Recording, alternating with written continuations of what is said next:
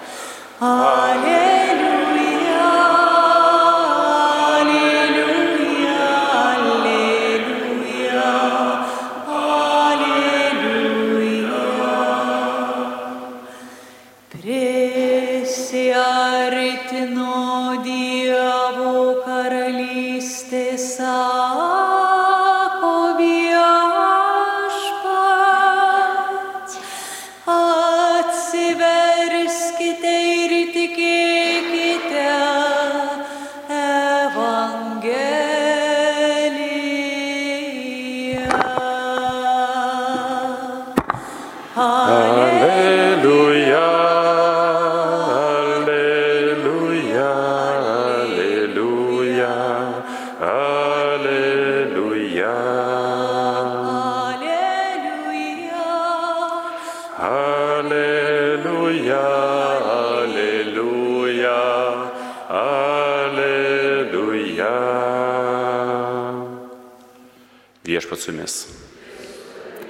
Iš Šventojios Evangelijos pagal Morkų.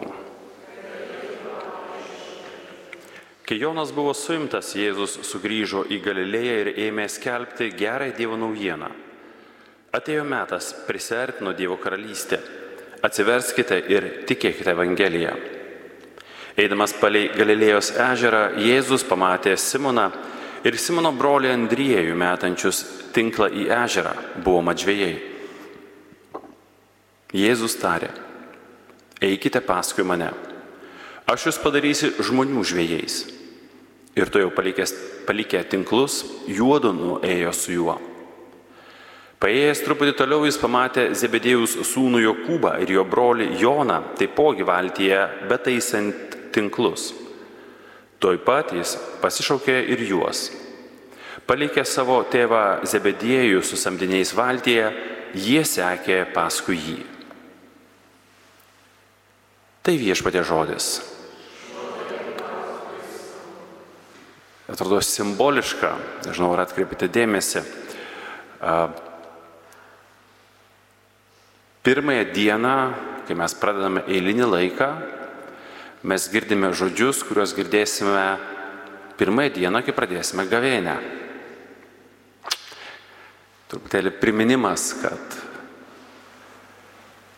eilinis laikas mus veda link gavėnios ir, ir, ir kad tai neturėtų būti tuščias laikas, kad a, atėjus gavėnė galėtume išgirsti teisingai tuos žodžius. Ar teko kada nors atsidurti tokioje situacijoje, kaip pavyzdžiui, su kažkuo tarėtės susitikti, nežinau, pavyzdžiui, ką nors norite įsigyti ir norite apžiūrėti, pavyzdžiui, prekę su žmogumi, kurio nepažįstate ir jis parašo, kur susitikti, kada susitikti. Ir vieta, kurią parašo tokia labai keista, ten nežinau, kokia nors lindynė, plikinė, tokia ir laikas tamsu, kai jau nieko nelabai būna, kai širdies supranti, kad kažkas mm, mm, kažkaip ne taip. Arba, pavyzdžiui, kai kas nors jūs kreipiasi, ko nors, nežinau, kviesdamas kame, nors dalyvauti, arba prašydamas ko nors iš jūsų, žmogus, kurio nepažįstate ir, ir kuris sako, bet tu pasitikėk manimi, aš, aš tikrai tai nežinau, čia viskas gerai arba, arba aš tikrai gražinsiu. Ir taip žiūriu ir galvoju, kaip aš tavim galiu pasitikėti, kai aš tavęs nepažįstu. Yra tekę panašių situacijų būti. Ne? Aš nekalbu apie kokias ten pabaigos teisingos, bet apsime va tas dalykas, kad kai mes Mes jaučiamės nesaugus tada, kada nepažįstame, arba mes normaliai galim pasitikėti tada, kada pažįstame. Kodėl apie tai kalbu? Šios dienos va tie žodžiai, kuriuos pačioj pradžioje atkirpiu dėmesį, kur sakoma atsiverskite ir tikėkite Evangeliją, jie savaime aišku yra labai glaudžiai susiję su tuo, kad reikia pakeisti savo gyvenimą. Bet įsivaizduokite, kad jūs ateinate pas gydytoją. Nu, bet tik įsivaizduokite, tikiuosi, to neteks. Ateinate pas gydytoją, kuris ten atlieka visus jūsų tyrimus, jūs pasisodina ir sako, žinot, jūsų tyrimai labai blogi, katastrofiški. Jeigu jūs norite išgyventi, turite radikaliai pakeisti savo gyvenimą. Mhm. Gerai, ačiū. Kitas. Ta prasme, radikaliai pakeisti savo gyvenimą. Ką man keisti, ta prasme, ką, nustot kvepuoti, nustot mirksėti, ką nustoti daryti arba ką reikia daryti kitaip. Ne, pasakymas, pakeiskite savo gyvenimą, o atsiverskite yra, reiškia, iš graikų kalbos, tai yra apsisukti 180 laipsnių, reikia suprasti, kame. Nes priešingų atveju tas pakeiskite savo radikal, radikaliai gyvenimą, jisai nieko ne, nereiškia, jis neša dar daugiau sumaišties. Ir kol netėjo gavėnė su pelinų barstymu ir tais naujais žodžiais atsiverskite ir tikėkite Evangeliją, pabandykime pažiūrėti į kitą e, šio žodžio atsiverskite prasme. Atsiverskite. Tam, kad galėtumėte tikėti Evangeliją, pirmiausia, ją reikia atsiversti ir skaityti. Greičiausiai iš esančių didžioji dauguma bent kas kart tikrai skaito Evangeliją, Bibliją skaito, na, ne tik, taip sakant, kad klausom mišiose kiekvieną, kiekvieną dieną dalyvaudami. Šadio klausytojų galbūt, nežinau. Bet nu, mes greičiausiai visi susidurime su žmonėmis, kurie kurie kalba, va, va, kaip ir nori atsiversti, kaip ir nori gyventi pagal Dievą ir kaip ir neišeina, nes nesupranta Dievo valios ir, ir kaip jiems sunku yra tikėti. Jūs paklauskite, ar jūs atsivertėte Evangeliją? Kaip galima tikėti tuo, ko nepažįsti? Kaip galima pažinti tą, su kuriuo nepraleidi laiko? Kaip galima atverti savo širdį tam, kurio nesiklausai. Labai paprastai dalykai. Atrodo toks hm, lengvas ir paprastas dalykas. Bet be pirmo atsivertimo Biblijos normaliai antras neįvyksta. Tvarkoj, kalbėkime, jeigu mes kalbam apie pirmą atsivertimą, ne, tada, kada mes sustinkame su viešpačiu pirmą kartą, tai jis dažniausiai vyksta neatsivertus Evangelijos, dažniausiai. Bet šioje vietoje jau, kai kalbame ir kai uh, pelenų trečiadienį bus barstomi pelenai ant galvų, tai jie bus barstomi ne ant pagonių galvų, kad maždaug dabar jau atsiverskite ir žiūrėkite, čia yra Jėzus Kristus, čia yra jūsų gelbėtis ir ganytojas. Normaliai yra sakoma tiems, kurie jau eina bando eiti, nežinau, keliu, kuris yra Jėzus. Vadinasi, jau jie yra, jis sutikė, pirmasis atsivertimas yra įvykęs, bet dėl gyvenimo ypatumų, dėl nuodėmių, dėl pačių įvairiausių dalykų, vėl to kasdienio atsivertimo visą laiką reikia. Ir tas pagrindas, dėl kurio bažnyčia ir sako, mes privalome gilintis į Dievo žodį kasdieną. Po kiek, nesako, bet bent jau, bent jau po kažkiek, bent jau po eilutę, bent jau po pastraipą, bent po kažkiek, bet atsiversti ir skaityti. Nešioti savo širdyje. Evangelija gyva, Evangelija veikia. Jis veikia į protą, bet jinai veikia pirmiausiai širdį, jinai veikia mūsų, mūsų dvasę.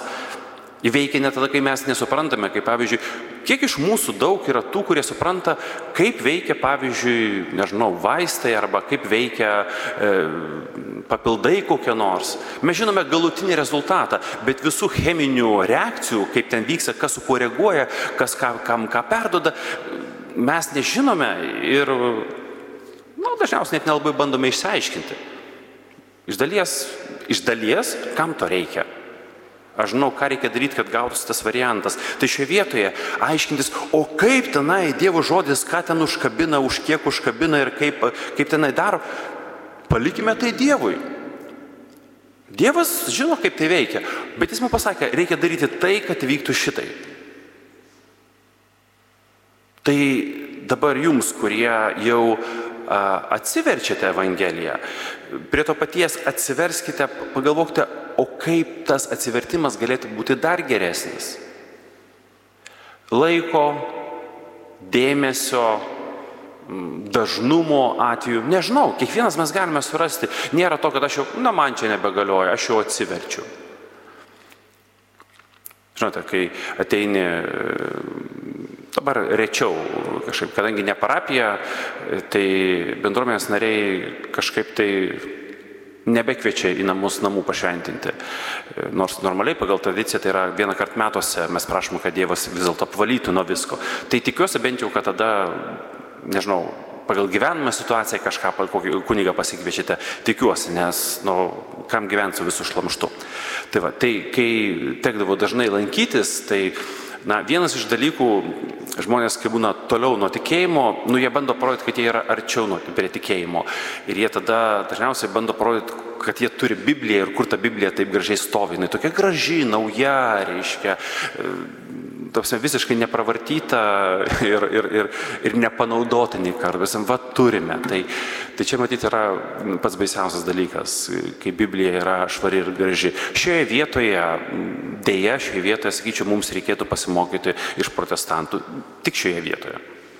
Tai yra, nu, toksai čia, aišku, kad tai neišauktų į puikybę, bet pas juos tas kalbėjimasis apie Bibliją yra, sako, kiek tu suskaitėjai Biblijų. Nes kas dažnai skaitote Bibliją, žinote, kad jinai susiskaito iš tiesų.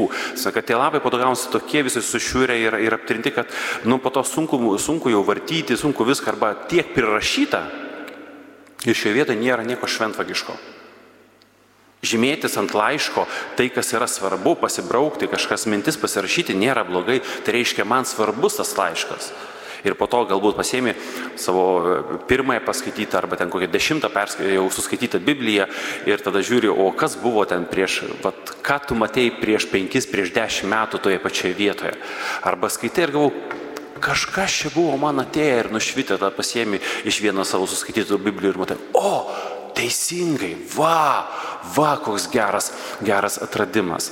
Tai gal nereikia jau taip sakyti, kaip čia Biblijom čia, bet vat, Tai yra toks mažiukas rodikliukas savo pačiam, kiek yra ta nutrinta. Ir nereikia daryti to, kas buvo daroma tarybiniais laikais su džinsais, norint turėti juos nutrintus. Jie būdavo specialiai trinami.